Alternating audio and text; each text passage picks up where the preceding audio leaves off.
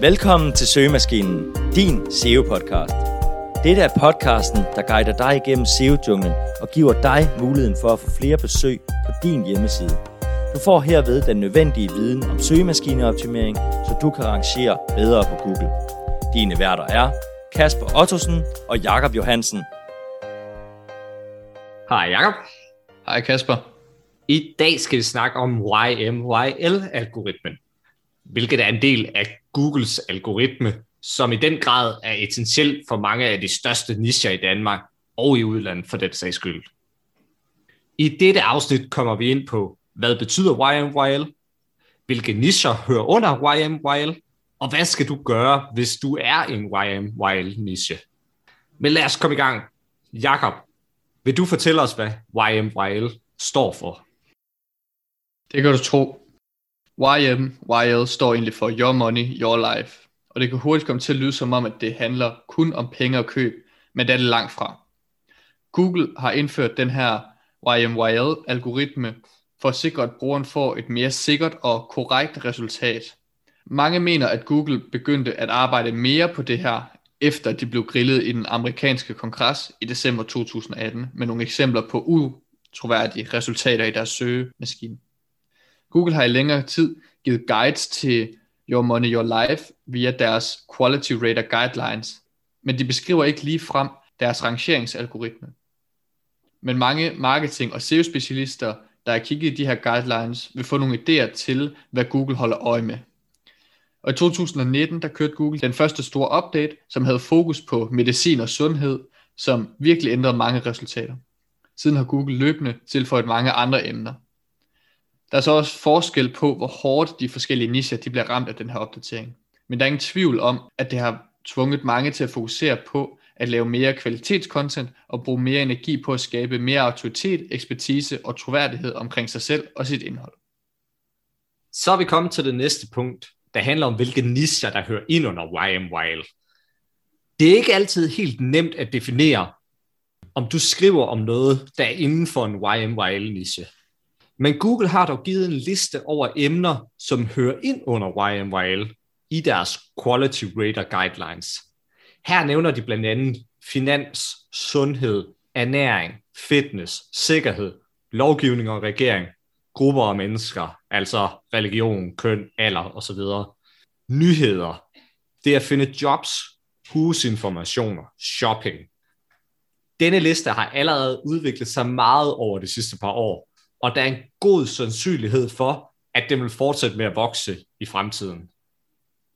Noget af det, der kan være svært omkring YMYL, er, at det ikke bare er emner eller nischer, men også typer af besvarelser. Så du kan for eksempel sagtens få lov til at rangere for et spørgsmål om det bedste lokale fitnesscenter, men have meget svært ved at rangere for, hvordan du laver dødløft sikkert. Du kan også sagtens få lov til at rangere på en søgning om de dyreste huse i Aarhus. Men hvis du vil rangere på en søgning om, hvorvidt du bør købe et hus, kan det være meget sværere. Selvom du har den her liste med emner, så kan det stadig være svært at definere, om du hører ind under de her forskellige emner. Derfor så har vi seks spørgsmål, som du kan stille dig selv, før du begynder at skrive om et emne, for at se, om det går ind under kategorien Your Money, Your Life. Det første, det er, kan du blive ekspert inden for den her niche. Hvis der findes mennesker med højere uddannelser eller endda forskning inden for området, så kan det godt være et problem. Nummer to, det er, om du kan komme i juridiske problemer. Altså er det et emne, hvor læseren kan komme i problemer, hvis de gør det, du siger, og derved, at du kan ind i juridiske problemer bagefter.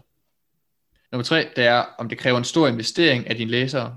Det kan fx være en bil, eller en motorcykel, eller et hus, eller noget lignende. Altså en stor investering, som læseren kan blive markant økonomisk eller helbredsmæssigt påvirket. Det kan nemlig også være i form af sundhed. Nummer fire, det er, om det kan blive set som noget farligt. Og selvom du ikke synes, at for eksempel mountainbiking eller kitesurfing er farligt, så kan Google godt have en anden holdning. En god måde at tjekke det her på, det er for eksempel at spørge sin mor, om hun synes, det lyder farligt, for hun har en helt sikkert en kritisk holdning til det. Nummer 5, det er, om det kan påvirke læserens fremtidige glæde eller lykke. Det kan være ret svært at definere, men nogle eksempler, det er for eksempel at give råd til par eller sådan noget coaching. Nummer 6 og det sidste, det er, om du vil lytte til almindelige personers råd om det her emne. Hvis du kun vil lytte til en form for ekspert inden for det her område, så er der en god chance for, at Google også tænker det samme. Hvis du kan svare positivt på alle de her spørgsmål, så er der en stor chance for, at det ikke er et emne, som falder ind under Your Money, Your Life kategorien.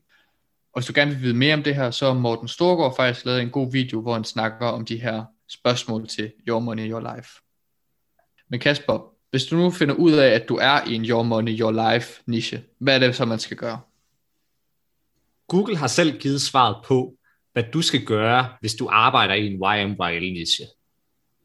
Du skal i gang med at arbejde med det, man kalder EAT, EAT. Ekspertise, autoritet og troværdighed. Vi har lavet et afsnit om dette emne, som vi vil anbefale dig at lytte til. Der kan være stor forskel på, hvad du skal gøre, alt efter om du er en stærk autoritær side, eller om du er en ny blogger, der lige er startet op.